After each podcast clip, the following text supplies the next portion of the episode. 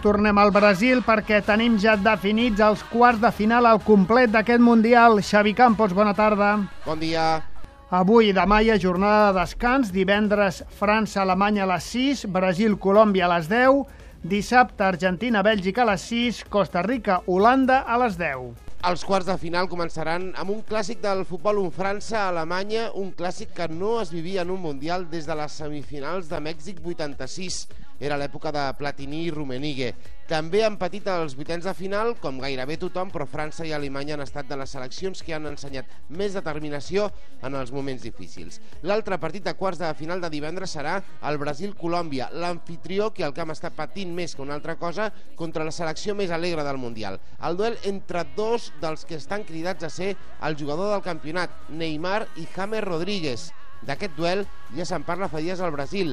Els brasilers també han descobert James. Els colombians, com el defensa Carlos Valdés, ja s'atreveixen a comparar-los. Bueno, para nadie es un, secreto que Neymar es un gran jugador. Eh, James Rodríguez eh, es un jugador muy importante para nosotros que, que viene mostrando un gran nivel.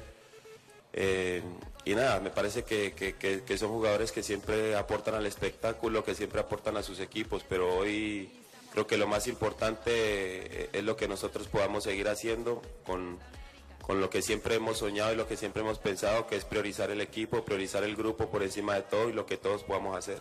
I dissabte ens espera l'Argentina-Bèlgica.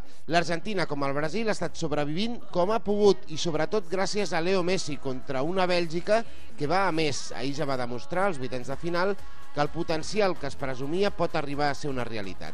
I per tancar, l'Holanda-Costa Rica, dissabte a la nit, a qui ningú no esperava a Costa Rica aquestes alçades i que ho tindrà difícil contra la selecció de Fanjal, però que ja va sorprendre tant Itàlia com l'Uruguai. Els vuit quartfinalistes han estat els vuit equips que van acabar primers a la fase de grups. Cap dels vuit no ha perdut cap partit encara.